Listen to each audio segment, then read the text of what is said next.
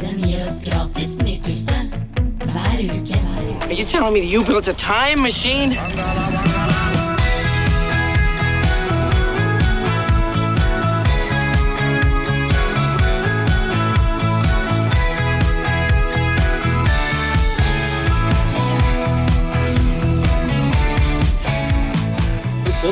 Sett på den andre sida her, men jeg har aldri visst hva det var der. Eksakt som det var. Hei igjen! Jo, morgen. Der er vi tilbake. Jeg har ikke uh, sjans, men jeg er bare nødt til å småflire når høggeren kommer på slutten der. På. Veldig bra melding når han eh, ser over, eh, over mot Hedmarken og har hørt rykter om at det der er- det, det, det, det, fins noe der òg. Så eh, veldig artig. Yep. Velkommen til en ny eh, utgave av Eksakt-podden, både på radio og på internett. Yes da, og du kan eh, se oss i flotte farger på YouTube hvis du vil. Ja, der ligger vi. Så eh, eksakt sånn det var, Ja, det var det det var, da, i nesten 15 år. rett og slett. Gratis eh, moro. eh, I hvert fall for noen som leste det, så var det jo helt gratis. Vi, eh, fullstendig gratis. ja, vi brukte litt eh, penger for at folk skulle ha det moro gratis, men det var moro det òg, På vår bekostning. rett og slett. så, sånn, sånn ble det. Men Vi brukte litt eh, penger før vi fikk igjen noe av det, liksom. det, definitivt. Men eh, det var jo veldig moro, da. Det var det. Eh, Det er vel en Ja, selvfølgelig må det være en livsstil, hvis ikke så hadde vi vel ikke orka å drive med dette her. Nei, Som så mange andre som har drevet med tilsvarende ting opp gjennom åra. Ja, sånn evig, evig dugnad. Ja, hvis du ikke syns det er ustyrtelig moro å drive med all slags kultur, da bare lar det være. Ja. Nå har vi da kommet fram til eh, april måned 1997. Ja, og for framside. eh, Nå er vi rett og slett eh, på A-laget på kjendistoppen, i hvert fall innenfor Ja. god, gammel musikk. Jeg nevnte jo så vidt forrige gang at vi begynte å bli litt mer bevisst liksom, på forsidebildet, og hvordan en forside skulle være, da, og trekke til seg litt oppmerksomhet. Så det er klart at når vi fikk et uh, fly, som vi jo har sagt til det kjedsommelige her, at vi må huske på at dette her var en tid der vi ikke bare kunne logge på og laste ned bilder i villen sky, og fikk bilder som var eh, skikkelig dritbra, som vi gjør nå. Det var liksom å vente på noen, eh, et bilde eller tre fra et plateselskap eller filmselskap eller et eller annet, og håpe at det var bra og kult, og Ja. det var ikke alltid det var det. Og der var ofte film, altså altså filmrullfirkanter, altså slides. Rett og slett eh, negativ Dias-negativer. ja, to-tre varianter kanskje, som, eh, ja, så bare krysset fingre og håpe at det var et tøft eh, motiv da. Ja. Og bildet som vi fikk av Depeche Mode fra plateselskapet den gangen, det var tøft. Ja, Og ble en veldig bra forside til aprilutgaven. det ser litt ut som en sånn, det kunne vært annonse for JC. Ja. Det var litt sånn klesbutikk-sjung over det. Mm. Eller kanskje Joe and the Juice, uh, Ja, hippeste gutta som jobber i baren. ja, rett og slett. eh, Dette er sikkert eh, Depeche Mode hadde, Kara hadde gått inn eh, bak disken der nå, i den alderen de er nå, men eh, for fe- 25 år siden så var de eh, hotte da. Det var jo det. Definitivt. Ja. Så vi har liksom Vi har tre veldig forskjellige Vi har Depeche Mode, eh, som jeg skriver på forsida, og så har vi skrevet Unni Wilhelmsen, som jo var veldig hot. Altså, det er jo fremdeles, men som artist, da. Da, også for unge mennesker. Og Jan Werner Danielsen. Ja, Kjære Jan Werner Danielsen, Ja. som ikke er blant oss lenger, dessverre. han Men, eh, eh, han var jo litt offer for mobbing både her og der, eh, rett og slett. Og blei liksom framstilt som en uh, harry, ukul uh, artist ofte. Ja. Vi syns ikke det, da. Nei, så vi har uh, forrige, uh, forrige utgave, det glemte vi vel å si, men da hadde vi anmeldelse av av skiva. Ja. Til en hyggelig, hyggelig terning, eh, husker jeg, og så er det intervju i denne utgaven der. Mhm. Så vi bledrer og eh, finner ut at vi fremdeles ligger på 19 000 X. Og har eh, ja, her, har her har virkelig de grafiske gutta lekt seg litt med kule ting da, på innholdssida her. Ja, for her er det sånn font som ser ut som sånn eh, bokstaver som er klippet ut, og så er det spray over, liksom. Ja. Og spraya talla er liksom nesten sånn eh, eh, Graffiti, som var ordet som vi lærte Graffiti, som vi lærte sist. Forrige ord, ja. så, så, så, Så er det Skal vi se nå eh, Ser jo selvfølgelig eh, Dette er jo en kanskje mest legendariske annonsen som fins lokalt sett. eh, Fjellhallens eh, konsertplakat med Geir Wenzel.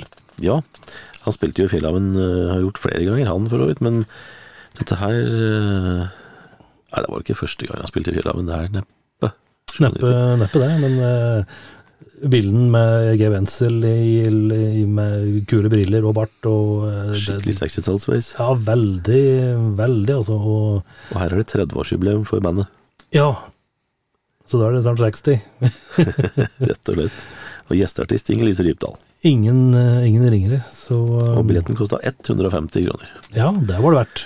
Der var det jo absolutt verdt. Så vi ser liksom at ting henger sammen. Da. Når ølen på, i 97 her kosta 29, og konsertbilletten 150, så henger det jo liksom litt sammen. Mm.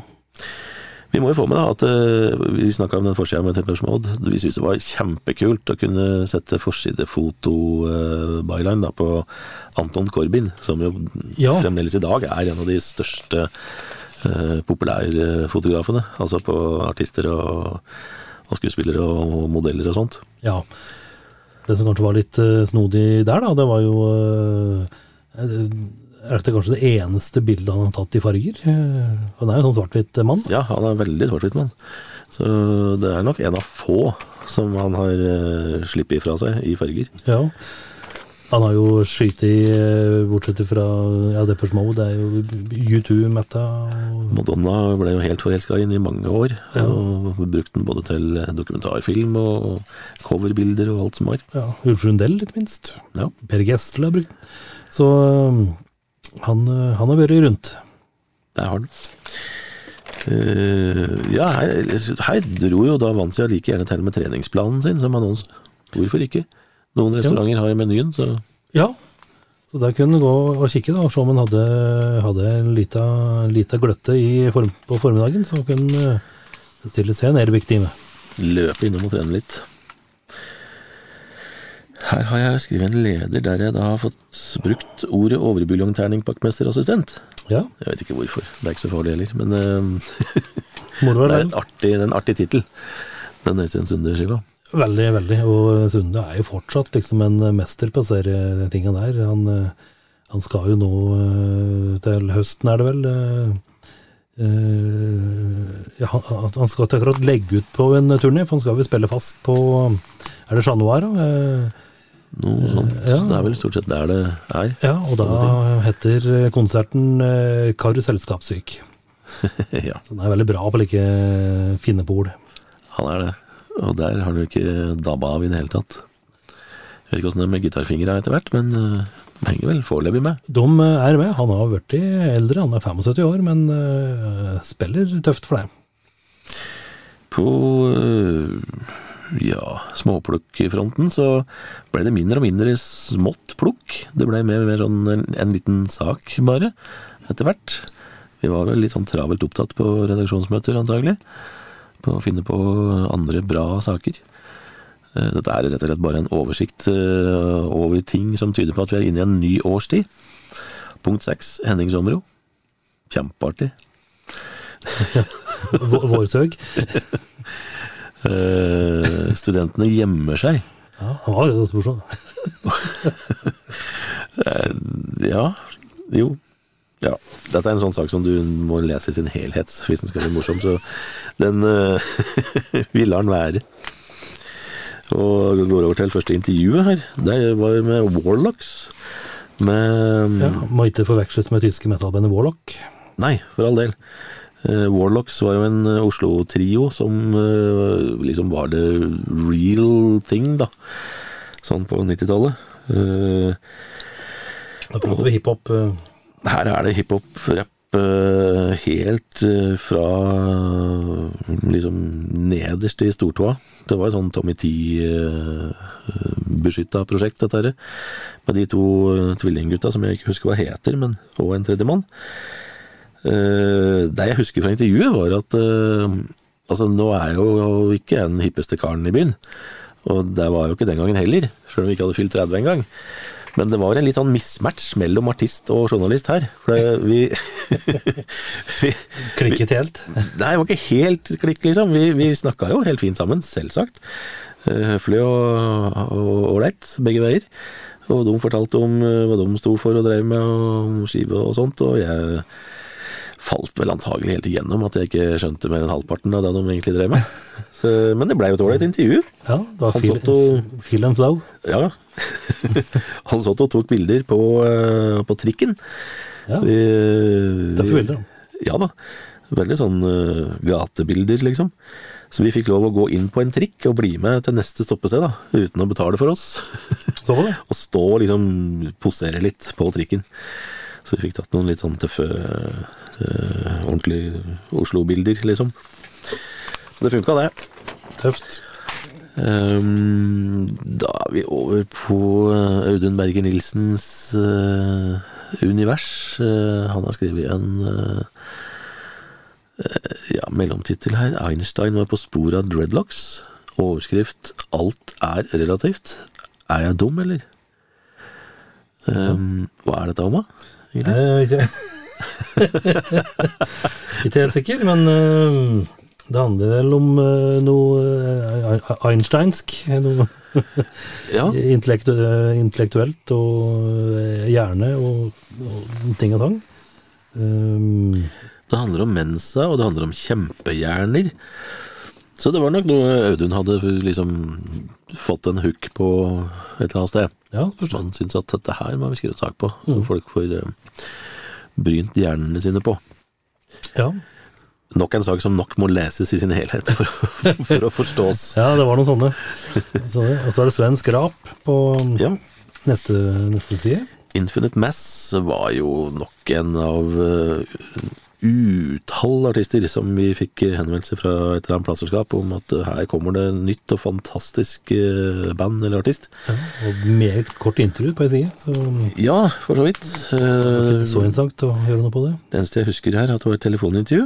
Eh, og så har vi starta hele intervjuet med, intervjuet med en overskrift, eller ikke overskrift, men eh, en slags mellomtittel. 'Unødvendig mange'. så mm, vi eh, syns vel kanskje at det var eh, unødvendig mange i bandet, da. Ja. Ja. Der, eh, på bandbildet her så er det seks stykker, og de mm. var egentlig bare to. Ok.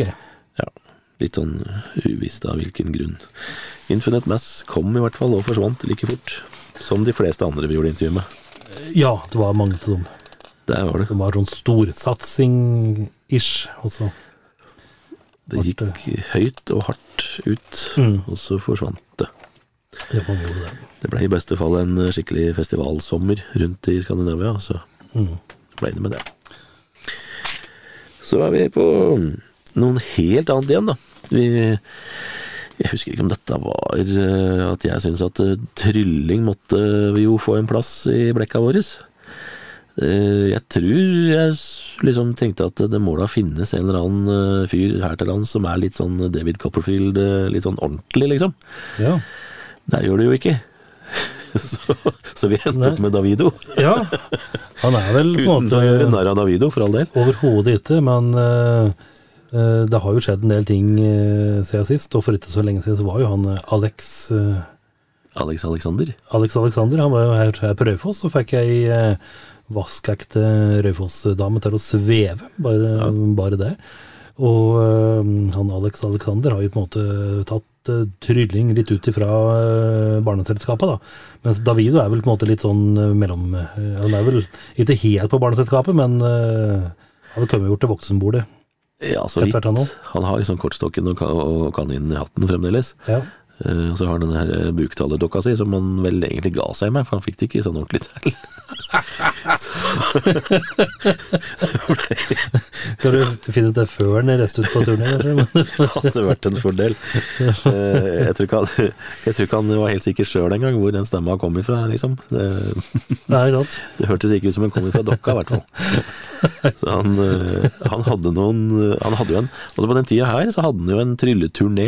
Eh, Han reiste ganske mye, lenge. Mm. Eh, og så tenkte vi at ok, da er han jo et navn, og så ringte vi. Han var jo superhyggelig, han.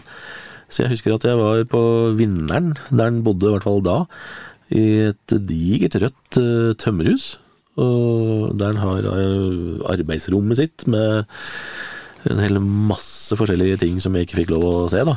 For det var jo litt hemmeligheter der, selvfølgelig. Absolutt. Men vi satt i peisestua der og skravla om trylling. Han, ja, så drista jo jeg meg til å spørre litt, liksom sånn øh, Fordi vi snakka om dette med at trylling koster. Altså at de store triksa ikke sant, er jo kjempedyr og kjøpes ferdig. Det er jo noe folk vet etter hvert. Uh, og, og drista meg til liksom å spørre om han eh, hadde tenkt litt i de baner, da. Altså å komme seg liksom vekk fra den her gode gamle tryllinga, og litt mer ut i de heftige Da var han litt fornærma. Ja, så du mener at det jeg holder for meg ikke er bra nok? Og var litt der, da. Litt furt fullt, da. Ja. Litt grann sår der. Men det var absolutt en lang og koselig prat, så det ble jo et eh, ålreit intervju. Ja. Og det var òg i forbindelse med at han hadde kommet da med den som het Davidos tryllebok. ja. Den er øh, Ja, det er vel Den er vel i tre deler, på en måte. Det er sånn nybegynner, barnebursdag, og så er det for viderekomne, og så er det da for de som tror de har skjønt ting, øh, og der ting står så lite forklart at du må kjøpe trikset Akkurat, ja. for noen titusener. Stemmer, stemmer. Og det må jo sies eh, det, da, at eh, eh, jeg gjorde jo eh, intervju med Alex Alexander i forbindelse med Raufoss-giggen her, og han, eh, han er jo veldig ærlig på det, at eh, han eh, er, er på en måte gjør noe helt noe annet enn en Davido, men samtidig så har liksom Davido og Tore Torell og Finjon og de har jo gått over løypa for slike som, som Ja. han, da. Så, Ja, da. så Davido har vært en viktig, viktig fyr for moderne trollmenn, holdt på å si, tryllere og illusjonister. Absolutt. Og Alex Alexander er vel litt borti der som uh, David Copperfield har holdt på, da. Med Absolutt. store illusjonsnumre. Ja, absolutt. Uh, neste side, da er vi tilbake til uh, annonsen vi snakka om i stad. Blått blod, svette og tårer. Og det er 30 år med Geir Wenzel, det. Ja, eh, her eh, mener jeg bestemt at jeg og Hans Otto Nesbø har vel tatt bilde, så vidt jeg kan eh, erindre. Eh, ja. Eh, dette tror jeg at vi Jeg tror vi møtte henne på gamle der det nede i Elvegata. ja ved siden av Hundtonfabrikken. Ja, det er røde, huset som står ved siden av Gjøvikhallen i dag. Eh, For der, eh, der regjerte Geir Wenzel. Så jeg er ganske sikker på at det var der vi, der vi møtte den og tok praten. Mm. Så, så det, var, det var stas. Det er jo et, eh, et avsnitt her om rockeverkstedet. Mm.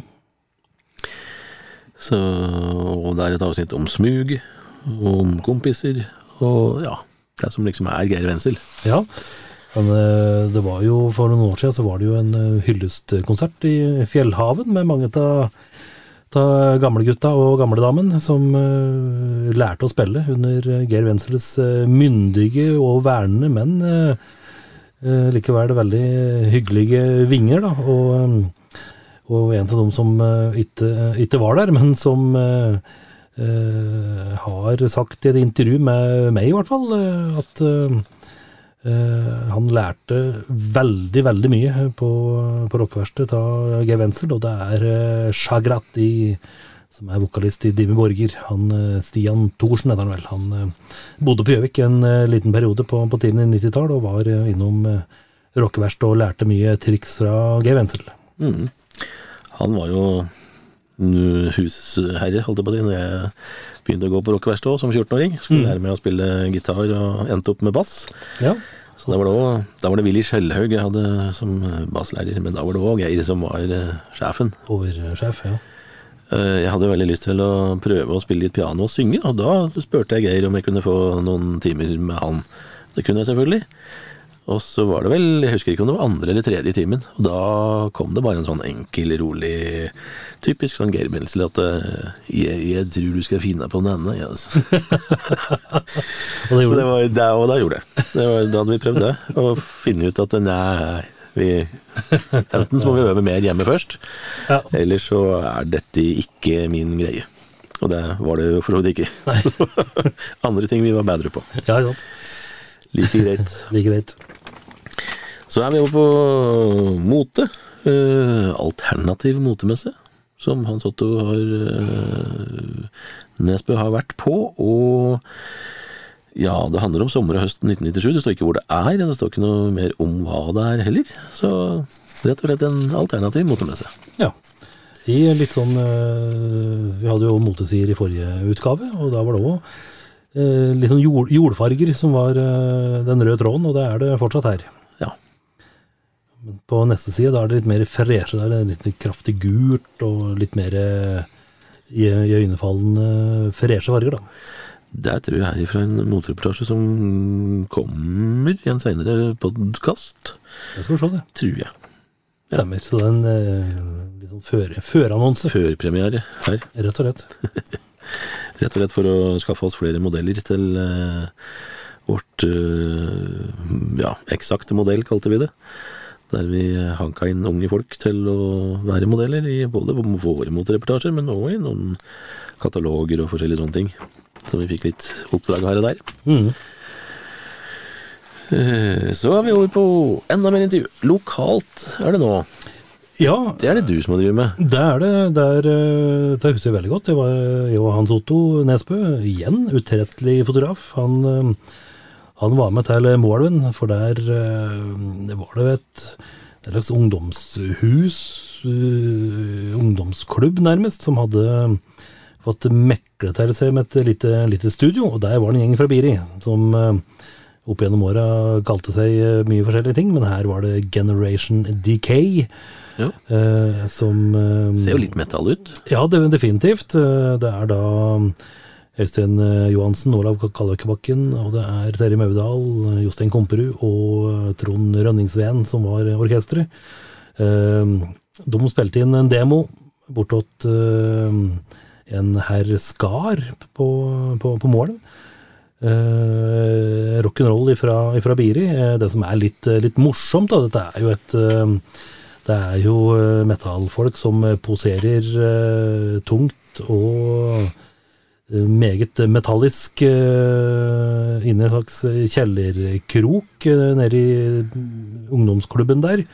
Ser nesten ut som en sånn uh, lite lager av noe slag. Ja. Bitte lite rom. Og bildet er jo litt sånn, eh, litt sånn touch av Seattle, egentlig. Det er eh, litt sånn eh, tøft og, tøft og røft. Hans Otto Nesbø har vært rockefotograf.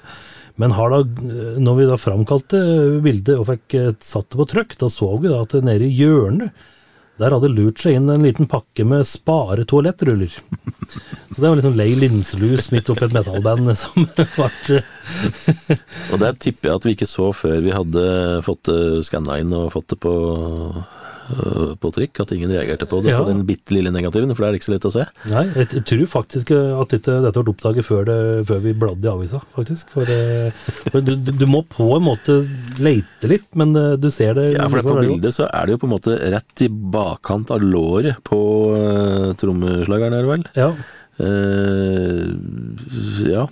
Det ser nesten ut som han har den der dassrullpakka mellom knea. ja. Det er noen squats, driver med litt trening der. Så. Men, eh, men det er klart, det ble jo eh, Det er klart det ble ikke noe særlig rock'n'roll til det, men eh, Men det blei en av våre store uh, klassikere, på en måte. Sånn Ja. uh, å minne hverandre på på redaksjonsmøter og sånt, da. ja, når når man skal ta bilder, obs, husk Ikke noe dasspapir. Ikke noe eh, rinselus. eh, så, så. Men eh, nok et eh, eksempel da, på at vi eh, snoker rundt og fikk eh, snappe opp eh, lokale band og artister. Mm. De, hvor lenge holdt de på? Eh, de eh, dreier på eh, en god del år, litt sånn eh, att og fram. Nå er eh, noen av dem eh, tilbake og eh, har eh, driver med kommet sammen igjen, vet jeg. Så, eh, så eh, det tok kanskje 25 år, men eh, nå er i hvert fall eh, noen av gjengen fra Generation Decay tilbake og laga musikk. Ja, Siden det var Decay den gangen, så må det bli Generation Rotten nå. Ja, nå har det gått helt uh, I oppløsning. Ja. Litt uh, kapittel med lokal musikk der. Ja, Musikkhistorie. det var det. Uh, Da er vi over på norsk lyd. Uh, Her har vi anmeldt Du har anmeldt Norsk utflukt til Kåre Viru og gjengen, og til en sekser. Ja, det var fin er Kul skive. Artig prosjekt. Warlocks eh, Der brøyt vi litt vår egen eh, eh, etikette med å ikke skrive på bandet vi gjort intervju med, men jeg ga den Warlocks-skiva en firer. Ja. Det har aldri vært noen sånn stor uh, kand-filol-mag på hiphop og rapp og sånn, men ja. Jeg syns vel det var sånn Det var fryktelig mye ord. ja, og så ser jeg at jeg har gitt uh, Unni Wilhelmsen-skiva en femmer. Det, det tror jeg ikke hadde tatt ned en eh, prikk, eh, prikk i dag. Ja. Og, full uh, score her på Carl Seglem med Ita. Ja, hva var nå det, da? Noe musikk fra et annet prosjekt. Carl Seglem driver jo med bukkehorn og mm, litt sånn instrumental, litt jazzete uh, greier. Ja. Litt overraska du ga firer til Krøyt, for dette er litt sånn uh, dine venner. Ja, det er jo en av uh, Kristin eh, Asbjørnsen. Asbjørnsen og sånn, ja. Ja Si det, du. Jeg syns vel ikke det var bedre, da. Selv om jeg var veldig begeistra for Krøyt, både live og folka er jo supertrivelige og sånn. Ehm, men nå har de jo forsvunnet for å ikke komme tilbake, Ja. tror jeg. Så er det jo eh, Så har vi det skrevet om uh, Tom Mathisen har rodd falsk, en plate som heter uh, Chilikick. og, og, og, her Her husker jeg at etter De hadde jo en kjempesuksess med et vanvittig show. Jeg så dem på Skreia, blant annet, med den uh, Alle fine damer har en stygg venninne. Mm. Eh, Men så ble det veldig mye sånn surr, liksom. Med platen. Det kom veldig mye plater på veldig kort tid, og Det var vel litt det som var greia. De ymse prosjekter. Og, ja, det ble veldig mye sånn Ikke eh, alt som var like morsomt og like bra. Nei, så de hadde en periode med Og ja, jeg var jo ikke helt, helt sånn etter, som vi har pratet på litt opp gjennom podkastet her, med dere eh, Barry og Gibb eh, Det var jo ikke så Vi har jo, vi har jo alltid for så vidt både hatt respekt for og vært litt fans av Tom Mathisen og Herodes Falsk. Absolutt.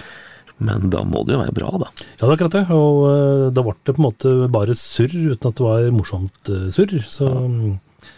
det var litt mer eh, Ja, ikke så, ikke så stas. Jeg ser at jeg har gitt full pinne her til eh, Kari Bremnes med Månestein-plata. Det er jo absolutt, syns jeg, i dag òg. Fantastisk bra plate. Uh, og så er jeg litt usikker på om det er du eller jeg som har skrevet på Dronning Mauds land her. Uh, treer. treer. Usikker? For det er vel andre plata, tror jeg. Det er mye jazz her. Terje Rypdal eh, Ja. Eh, blant annet, så det var en god del. Traveling Strawberries uh, ga en ener. Det er da når de et, et, langt etter uh, støveldansen. Det var da du skulle prøve å lage ei helt ny, ordentlig skive, det. Ja, det er slags musikaltre. Uh, uh, det er uh, uh, Skal vi se uh, Anmeldelsen er ei linje. Dette gjør kanskje sin misjon når man får hjelp av TV-serien, men soundtrack i seg sjøl er rett og slett verdiløst. Uh, Prinsesse Gullhår og de tre omreisende trubadurer. Husker jeg ikke hele tatt. Jeg husker så vidt det. Men det var vel en uh... Det var vel litt sånn flopp øh, i forhold til uh, julekalenderen. Det kan du trygt si. Ja. Så er den Jan, Jan Werner, da. Jan Werner Danielsen gjorde vi intervju med her. Han var jo en eh, supertrivelig kar, som jo pleide å komme innom både lokalradioer og andre rundt omkring når Ja. han var i byen på konsert. Jeg husker da du drev med nærradio, da var han innom han på Kom plutselig og banka på døra og tok en kaffekopp og ja, fra Odalen. rett og slett Da er du slik. Da er øh, nedpå, vet du. Og så har vi intervju med Unni Wilhelmsen på um, på, på, på Ja Hvilken ski var dette her, da? Uh, Bugge Wesseltoft har vært eh, involvert her som produsent og sånn. Det er vel den der eh, Definitely Me Ja, ikke sant. Et ganske, vanskelig å si. ganske kort intervju. Men uh, Unni Wilhelmsen var jo en av de artistene som når det kom en skive, så gjorde vi jo intervju. Ja. Enkelt og greit. Så er det mer utenlandske greier. Masse utenlandsk lyd. Her kom jo i uh, april i 1997 så kom jo popskiva til U2, da. Den anmeldte uh, du til en firer. Og det er vel, ja, kanskje like greit, det. Ja da, den eh, Det er til så For den der kom vel etter uh, Acto Maybe. Ja. Skiva, så den er vel ja, altså det var den som kom rett etter Europa, da. Så, den- Ja. Som jo var veldig rar. ja. Achtung Baby var jo en jævlig tøff skive. ja, den er kanskje den beste, spør du meg. Ja. Eh, Europa var jo veldig rar. Men her skal de liksom mer, være litt mer normalt. At, ja. Mm. Diskoteklåta er kul, da. ja. Og jeg anmeldte Supertramp Some Things Never Change til en firer. Litt kjedelig, men eh, ja. Ja. Og så har vi Hedninger, da. Var ikke det sånn svensk eh, Jo. Mm, Muse har du skrevet om? Muse er jo tøft. Det er jo et av mine favorittband fremdeles. Firer bare der, da. På, på den Hva heter den skiva? Den heter uh, Innocent Voices. Ja, ikke sant. En av de litt mer eh, anonyme platene til Muse. Så har vi jo fem på topplistene våre, da. Der har jeg ultraplata til Depeche Mode, som vi gjorde intervju på på førsteplassen. Og så har vi The English Patient-soundtracket. Og Supertramp-skiva, som jeg akkurat nevnte.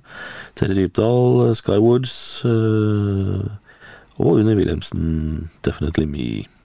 Ja. Mm, Variert topp fem. Ja. Det får en, si. Blar vi videre, så er det enda litt mer utenlandsk lyd, eh, uten at det er noe spesielt spennende der, ser det ut som. Nei. Eh, og så er det jo eh, Jeg ga en sekser, faktisk, til The English Patient uh, soundtracket, ser jeg. Eh, og også til eh, Howard Stern, eh, Private Parts-filmen. Vanvittig film, da. det er jo en artig film. og så er det metal, da, som du har eh, Ja, vi kan se hva vi har skrevet om der. Eh, Tung lyd, kalte vi det. Nei, hard lyd. hard, hard lyd er det her. Eh, her har vi i hvert fall Aerosmith, uh, med bladspillet Nine Lives. Eh, jeg må innrømme å si at jeg, jeg syns Aerosmith anno 80-90-tall er veldig stas. jeg. Ja, den eh, plata der er ordentlig partyskive. Ja, og så er det jo samleskive da, med den tyske panser-brutalkara i Sodom. Eh, Ja. En femmer. Eh, altså Grip Incorporated, det er vel eh, Var ikke det noe folk fra noe uh, Pantera-ting eller noe, tror jeg? Og så er du her eh, i skive da med band som heter Kvikksølvguttene. Ja, Eh, Det var vel kanskje bandnavnet var det beste. Ja, rett og slett, ja. Og så er det jo da, skal vi se her, eh, Entombed med eh, en skive som bare heter Entombed.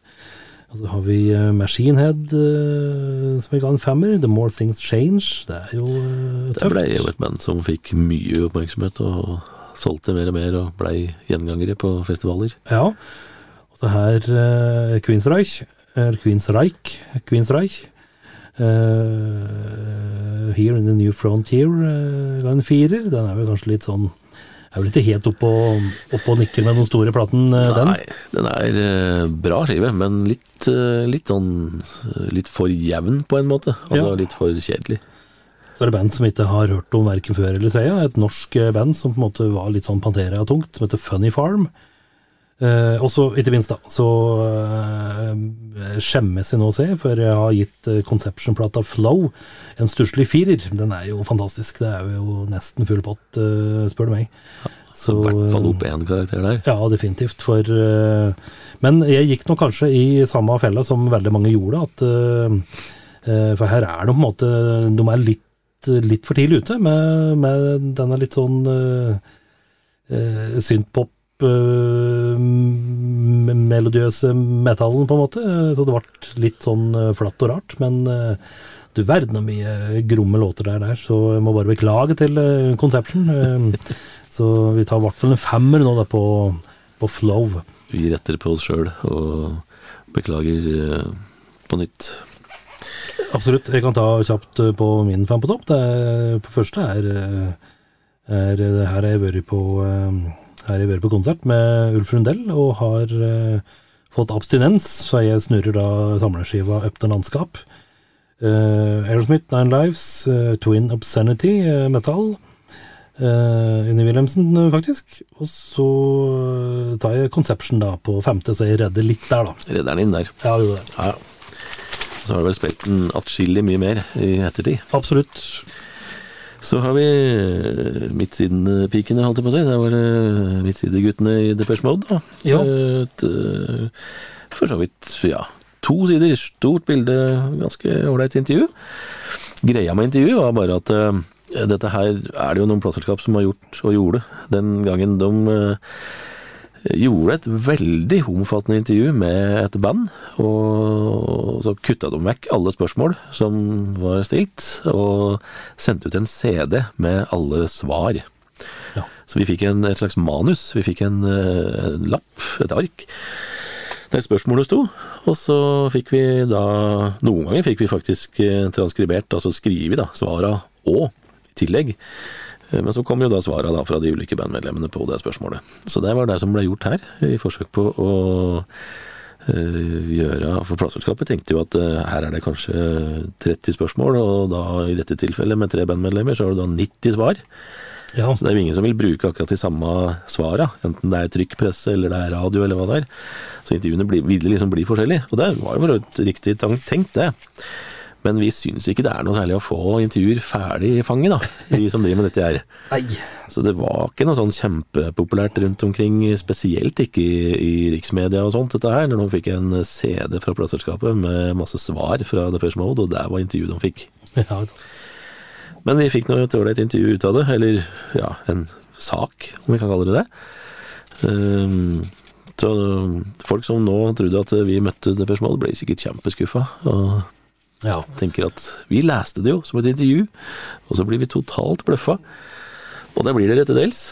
Stadig vekk, hver dag, Ja. rundt omkring i media. Rett og slett. Dette, var jo, dette skjedde jo ganske, ganske mye, i hvert fall. Ja. For eh, på den tida her så drev vi og, drev vi her på, på Raufoss nærradio. Det fikk hendt at det kom noen kassetter med såkalt open-ended intervjuer, da, med kun svara, som sagt. Og da, da kunne du lese inn spørsmåla eh, og klippe og lime, slik at det virket som du da hadde vært i samme rom som, du, som stjernen, da. Så, men det var det ble litt plunderheft, og det ble jo ikke, på radio, så ble det ikke naturlig og... Nei, det er umulig å få overganger øh, naturlig der. Og spesielt med kassett, som du jo får en ganske annen lyd på. mm, Ja, ja. Så ja. Men det var nå det det var. Altså, de to sidene her er øh, fine og er, øh, gjør jo det de skal, for å si det sånn. Absolutt. Så, men øh, jeg har verken møtt øh, Depeche Mode der, eller Anton Corbin som tok bildene. Nei da. Men det er tøft å få navnet sitt ved av Anton Corbin. Det er det, for her står det jo da intervju Kenneth Dalby. For det er jo da jeg som har skrevet det, valgt Ja. hvilke svar jeg skal bruke. Ja, og foto Anton Corbin, så det er tøft. Ja, ja, ja. det funker. Hva skjer? Skal vi ta en side hver oss? Her kan vi rett og slett dra på med trang fødsel, ser det ut som. Skal vi se, 1. april, da er det i hvert fall eh, utstillingsåpning eh, på eh, Skogmuseet på Elverum med Arne Martinsen og Ragnar Normann. Se der, du. De slår til med, med det. Og på, på Karveren, 2. april, The Animals. Ok. Hvem som uh, var med der, det vites ikke, men eh, kanskje det er at var at noen fra det gamle, gamle, gamle, gamle. Kanskje. Det husker jeg ikke noe om. Så her har vi jo begynt å dra inn eh, Dette er vel noe av det første vi eh, har med Rockefeller, blant annet. Det hadde vi litt til før. Nei, vi begynte jo å ta med litt av de større konsertene som skjedde i Oslo. For å gjøre oss litt lekre for noen distribusjonssteder og forskjellige sammenhenger. Eh, Og så mente vi òg da at folk fra Mjøsbyene reiser ofte på konsert i Oslo, og er interessert i en del av de konsertene som skjer der. Absolutt. Da fikk vi jo litt kritikk selvfølgelig fra de lokale arrangørene, men uh, da må man jo bare arrangere ting som er interessant nok for publikum, så kommer jo folk. Ja. Jeg ser her 30. april, så var det jazzmesse. På jazzmesse med Gosen Gladjazz i Hoff kirke. Gladjazzmesse, kanskje? Glad, glad. ja. Eh, 11. april, da var det trang fødsel på Alfred på Hønefoss. Det er jo et utested som ikke fins lenger. Eh, det er, ser ut som det er mye mye barneting og nattkafé, Yngres uh, Mye rart her, rett og slett. Orientering. Uh. Eh, vi kan jo få med Five for you. Ok. Eh, I dansebaren på Alfred. Ja. Det er, det er langt mellom de interessante artistene begynner å bli her. ja. Men det var jo selvfølgelig da 19. april, Geir Wenzel 30-årsjubileumskonsert. Gjøvik olympiske fjellhall. Uh, fant du noe annet interessant der? Eh, nei, ikke så voldsomt, egentlig. Det var, eh, men det var The Animals på Garvaren, da. Ja. House of the Rising Sun. Så um, det var ganske heftig. Men det er som du sa, at jeg tror det var litt sånn en trommeslager eller noe sånt som var igjen. Kanskje. Trommeslager fra 70-tallet. Liksom. Det ble litt utvalgt med disse gamle banda. Det ble jo det. Uh, ja. Her er det mye tekst igjen. Nå er vi plutselig tilbake til eh, liksom starten som vi prata mye om da, i de første podene våre. At Ja. eh, Tekst, teksttungt, som vi kaller det. det er jo et bilde som er ca. 5 ganger 10 cm. Men eh, her eh, handler det da om eh, nerdene. Nerder versus nerdinner. Det er da Kaja Borg, som vi så vidt snakka om i forrige podkast, som var ny skribent, og som hadde masse ideer om eh, hva hun kunne lage saker på. Ja. Livets unnasluntrere er da visstnok uh, nerdene, ja. Ok. Så det har blitt eh, liksom benevnelsen på nerd. Ja. Pussig pussig greie. ja. Eh, en nerd har et stort oppblåst hode, et innsunkent lite brystparti og et underliv som vrir seg i evig pubertet. Jeg tror vi lar det ligge der. ja, jeg tror det. Mer intervjuer. Tar Nation eh, husker jeg ikke noe av, holdt jeg på å si. Det, rett og slett. Nei, Husker Det- du noe av Tar Nation? ikke i det hele tatt. Det, Dette er et sånt intervju som nok er et uh, telefonintervju, og som jeg overhodet ikke husker verken bandet eller intervjuet eller noe som helst. nei, er det norsk, eller er det ikke det? Mm, Nei, det er nok uh, Tja Hva er uh, Jamie Megan og San Francisco-basert band. Akkurat. Så det var nok hovedårsaken til at det var telefonintervju. Ja. Uh, For såpass husker jeg. Jeg pleier liksom å huske de intervjuene du har gjort eh, levende livet, holdt jeg på å si. ja. Det er verre med telefonintervjuene. Men jeg husker eh, intervjuet med Steve Hogarth, som jo nå er eh, vokalist i britiske Marillion. Eh, dette her var eh, første soloskiva han ga ut. Det intervjuet gjorde jeg faktisk hjemme i senga, av den enkle årsak at jeg var ganske sjuk. Derfor husker jeg det intervjuet ganske godt. ja. For jeg lå der og var og måtte bare si fra at eh, her er det både tett og snørrete. Men eh, det er jo telefon, så det går bra. Ja. Og han eh, Ok, sånn. ja. Ja. Dette var solo uh, Var han i Marilyn der, eller? Der var det Marilyn. Dette er jo, Ja. Vi er på 97 nå. Han var jo, ble jo med i Marilyn i 88. Første skiva 89. Eh, plata her heter Ice Cream Genius, som er eh, utrolig bra soloskive. Der det er eh, stor variasjon musikalsk, og der den Du faktisk hører stemma hans ganske klart. Eh, Steve Hogarth har jo en greie på produksjon at stemma hans ofte drukner veldig langt bak i musikken. Ja. Men uh, den plata her husker jeg ble veldig begeistra for, og syns det var eh, stas å få gjøre intervju med med Steve Hogarth, som da på det tidspunktet uh, var i Marillion som band da, hadde i 16 år, og det gikk liksom veldig riktig at nå er det ferdig, nå er det dinosaur. Eh, spesielt når han kom med soloskive. Men det var det ikke. Så Ja. det holder jo på fremdeles. Absolutt. Eh, og det er jo, eh, om ikke så lenge, hvis ikke alt er vært, det er ikke helt sikkert, så er det jo en diger uh, Marillion-weekend i Stockholm.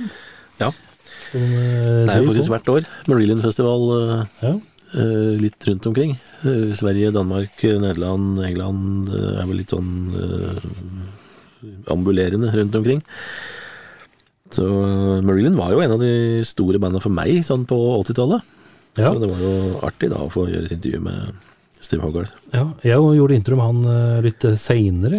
Det var i forbindelse med Marilyn-plata. Det var ikke Marbles, men det kom enten før eller etter. Og da Og da på det ble vel litt sånn der miscommunication på engelsk.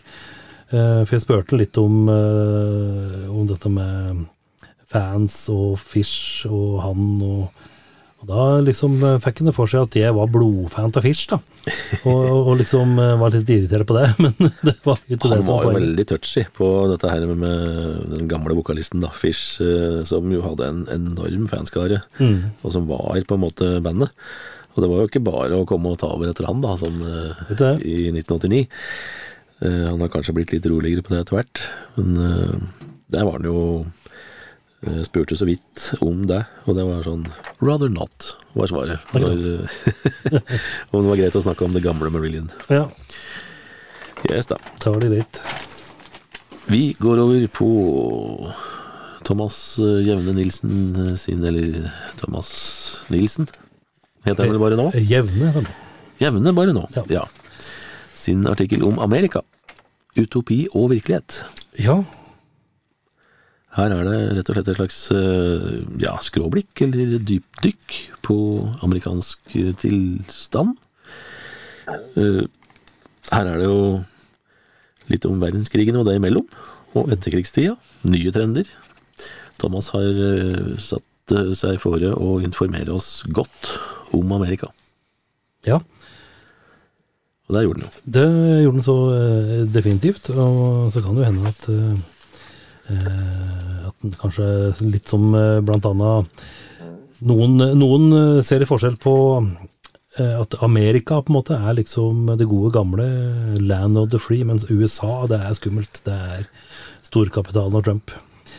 Så, eh, så han har i hvert fall tatt en eh, godt sveip i eh, det amerikanske livet og levnaden. Så det var jo en eh, slags bredde på det, på det redaksjonelle. Mm. På filmfronten i april 1997 så kom jo The Empire Strike, Strikes Back, The Return of the Jedi, mer eh, Star Wars. Eh, og så kom The Crucible-filmen med Daniel Day-Lewis og Winona Ryder, som jo ble en, eh, en kinohit. Olme Beist. Ikke minst Olme Beist, som jo var oppfølgerfilmen da, til eh, Hva het den? Eh, Fish eh, Cold Wanda. Fish Cold Wanda, selvfølgelig. Ja. Hva heter det for noe på originalspråket? Fierce Nei, hva heter det? Fierce Creatures. Ja, et eller annet. Ja. Men Olme Beist, det er bra oversettelse. Olme Beist er en uh, artig oversettelse. Eh, Eddie Murphy prøvde å være litt sånn småseriøs actionskuespiller i Metro. Uh, og det var vel det egentlig av film da. Vi har gjort, eller Jeg gjorde et intervju med Super Swirls. Husker ikke spesielt mye av det heller. Femmanns svensk band som det ble slått på store trommer at dette her skulle bli fantastisk. Ja. Eh, Kort intervju på sidene der òg? Litt kort intervju, hadde vel ikke så mye å snakke om, og det ble med et album, og siden har ingen hørt fra dem. Så sånn gikk det. Vi gjorde en, jeg skrev en liten uh, artikkel om Barbara Streisand. Uh, ja. Det var det er som var å si om det. Ja. Og eh, Kim Jægersen, vår grafiker, han lagde en reportasje om uh, ja, Er det rett og slett golf? Eller, ja, ser det ut som det. Golf Volkswagen eh, The New Generation har smak, er tittelen, og han eh, presenterer det da som eh, den nye ungdomsbilen. Og der ble det vel, for så vidt. Erlend har skrevet om internett. Her er det litt om at du kan finne restauranter og, og sånt på nett, da. Og finne menyer og sånt. Det var jo stort nytt, selvfølgelig, den gangen. Absolutt. Spesielt fargerike sider var det ikke, men Nei da, men moro likevel. Det var eh, veldig forsiktige eh, internettsider. Eh, vi var og besøkte Vertshuset restaurant og bar på Lillehammer. En liten restauranttest. Det var jo der som Blå, eller Blå bar, eller hva det het, på Lillehammer var. Oppe i smuget der i sin tid. Um, ja,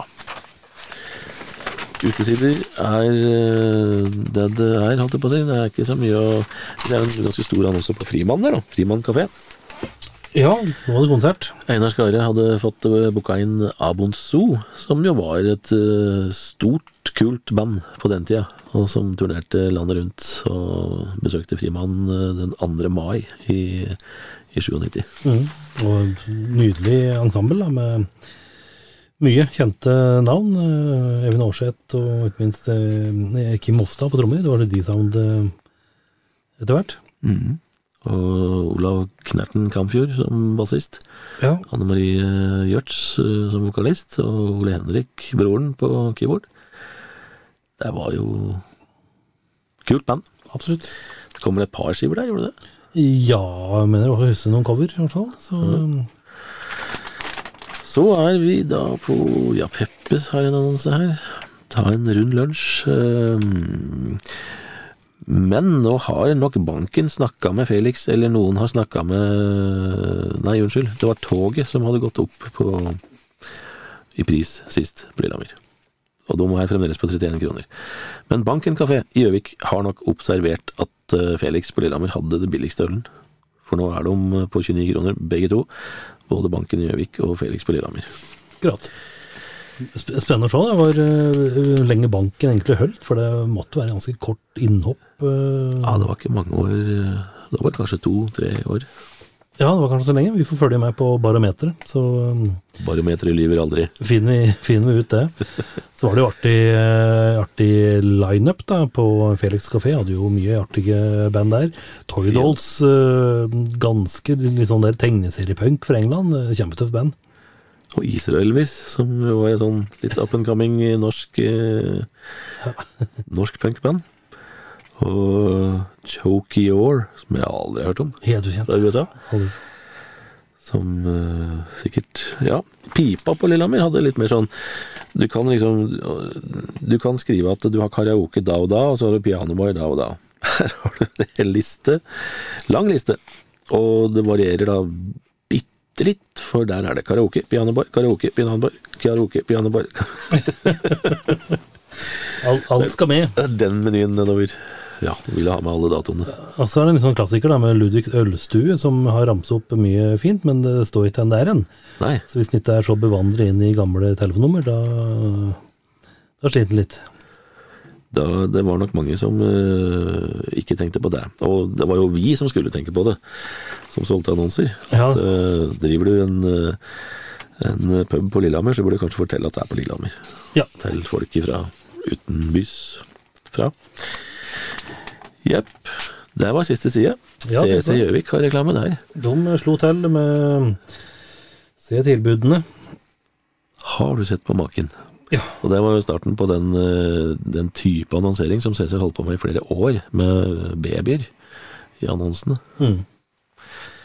Så det, nei, men det var, eh, det var våren, holdt på å si. Når vi er tilbake, da begynner det å knuse på Da har det blitt sommer. sommer og sol. Da er det, da er det kom mai, du skjønner. Og så får vi se hva som eh, ellers skjer da.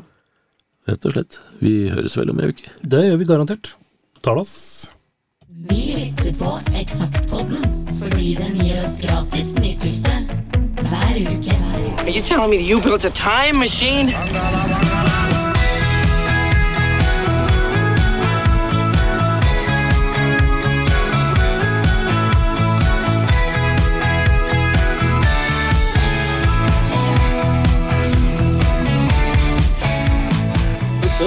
Se på den andre sida her, men jeg har aldri visst hva det var der.